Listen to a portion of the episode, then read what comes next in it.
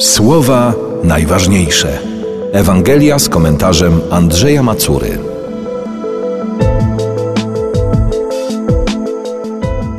Gdy Jezus i uczniowie Jego się przeprawili, przypłynęli do ziemi Genezaret i przybili do brzegu.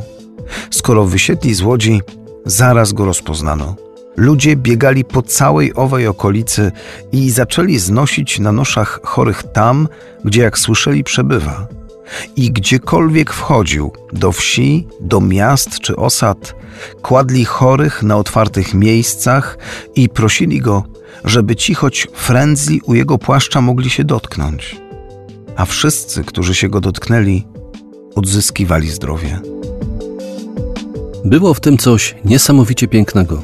W tym poruszeniu, jakie pojawiło się na wieść o przybyciu Jezusa, tym szukaniu go, znoszeniu do niego wszystkich chorych i tej radości, gdy okazywało się, że pomogło, że stał się kolejny cud.